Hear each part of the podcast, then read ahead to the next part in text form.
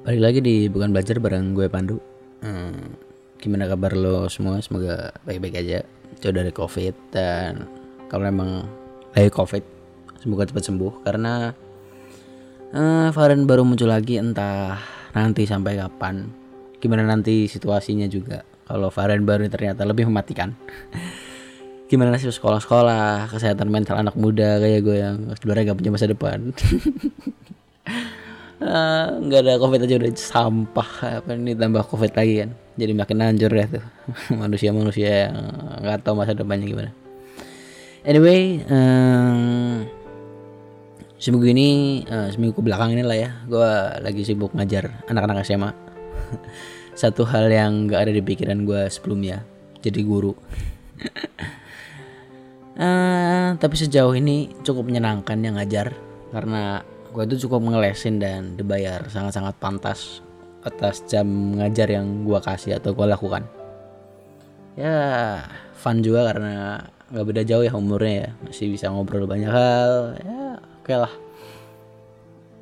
Uh, kalau buat gue pribadi sih bayaran segitu udah cukup banget buat keseharian gue yang hidupnya gini-gini aja. Bahkan sebagian dari pembayaran itu masih bisa gue tabung buat masa depan biar nggak gelap-gelap amat lah. Ya gue ngajar kurang lebihnya ya 10 jam seminggu. Dan sebenarnya awalnya tuh ya cuma iseng aja. Anjing dah kayak menjual bakso borak kan. Awalnya saya iseng-iseng. Terus kok menguntungkan dan menyenangkan. Udah lama banget gue nggak dengar suara yang dicemprengin dengan visual sosok manusia yang gelap sekujur badannya anjing udah berapa kali gue ketawa dari tadi padahal belum aja berita Indonesia. Uh, ya mayoritas hidup gue kebanyakan diawali dengan iseng-iseng. Kayak kemarin gue buka servis laptop juga iseng nanya ke temen dan melihat peluang di situ. Sama kayak ini. Nah, jadi teman gue ngepost di story Instagram nyari guru les buat adiknya. Terus gue iseng aja coba. Dan ya berlanjut sampai sekarang uh, tadi saya mana? Uh, uh, gua ngajar. Uh, ya gua ngajar sekarang buat ngisi waktu luang. Ngisi hari-hari gua yang jam sibuknya cuma kayak opil aja yang nyelip di antara waktu-waktu luang lain. Gua nggak tahu mungkin ini bakal jadi bidang yang akan menghidupi gua ke depannya. Siapa tahu gua malah punya tempat les yang besar suatu saat nanti. Ya nggak tau lah kita ya jalanin aja hidup uh, lihat peluang dan ambil peluang itu selagi masih bisa ya.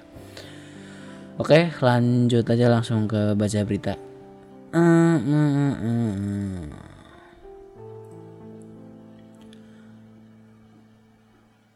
aduh sebenarnya gue malas banget ya baca berita ini ya.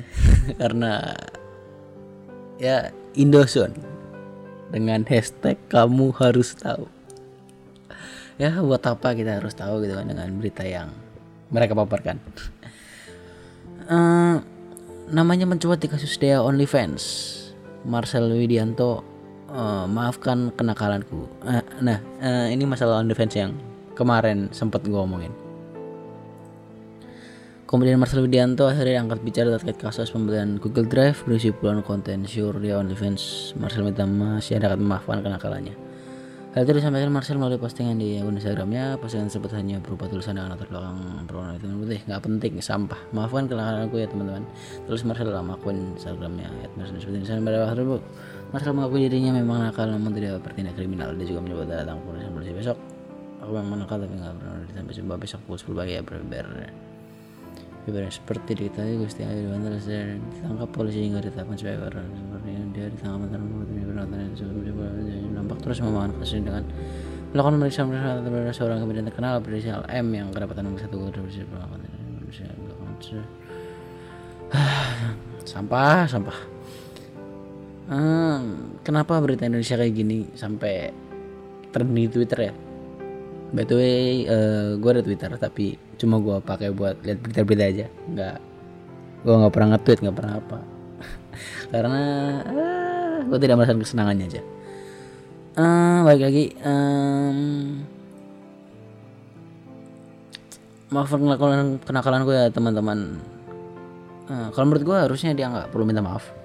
Itu hak pribadinya untuk mengkonsumsi pornografi. Dan gue jadi bingung kenapa masalah ini di blow up sampai trending ya. Karena kalau nggak salah kan berita sebelumnya itu tertulis kalau yang beli itu komedian berinisial M maksud gue kenapa harus di highlight masalah mau diperiksa atau enggak ya silahkan polisi atau pihak berwajib itu lakuin lakuin aja. Nggak perlu orang banyak tahu gitu kan. Nggak perlu masyarakat umum tahu. Um, karena ya kayak tempat berita yang gue baca ini ya Indosun mungkin satu berita ini bisa jadi berapa feed atau berapa konten yang bisa di up dan naik engagementnya. Sampai diperas habis entah antar sampai kapan setelah kasusnya selesai atau gimana masih aja di ya, terus-terusan diperas lah ya. Hmm, selain itu gue juga jadi mikir lagi apa nggak ada sih orang lain yang beli kontennya si Dea ini ya? Siapa tahu ada pemegang jabatan atau pihak terpandang yang ikutan beli tapi nggak diproses kan. yang di highlight adalah komedian dan berinisial M. Menurut gua hal-hal kayak gini, pornografi, judi, binary option kayak kemarin ya dibiarin aja lah, nggak usah diurusin itu. Kasus kayak pegawai bank yang pakai uang nasabah buat ikut binary aja menurut gua masalahnya bukan di binary-nya, tapi penggunaan uang nasabahnya kan, korupsi itu kan atau penyelewengan jabatan segala macam karena kalau ngomong masalah pornografi masih ada pornografi yang lebih penting untuk diurusi daripada jual beli konten kayak kasusnya si Dea ini ya. Mungkin kalau lo punya waktu lo bisa baca-baca masalah poverty porn yang mengeksploitasi kemiskinan intinya. Tapi mirisnya masyarakat itu suka mengkonsumsi hal-hal semacam itu. Empatinya diambil dan ya memberikan keuntungan untuk beberapa pihak sedangkan yang di shoot atau yang kemiskinan dieksploitasi itu nggak dapat apa-apa. Mendingan kita pakai waktu kita buat masalah-masalah yang lebih penting. Uh, oke okay, lanjut aja cari berita lain. Uh, uh, uh,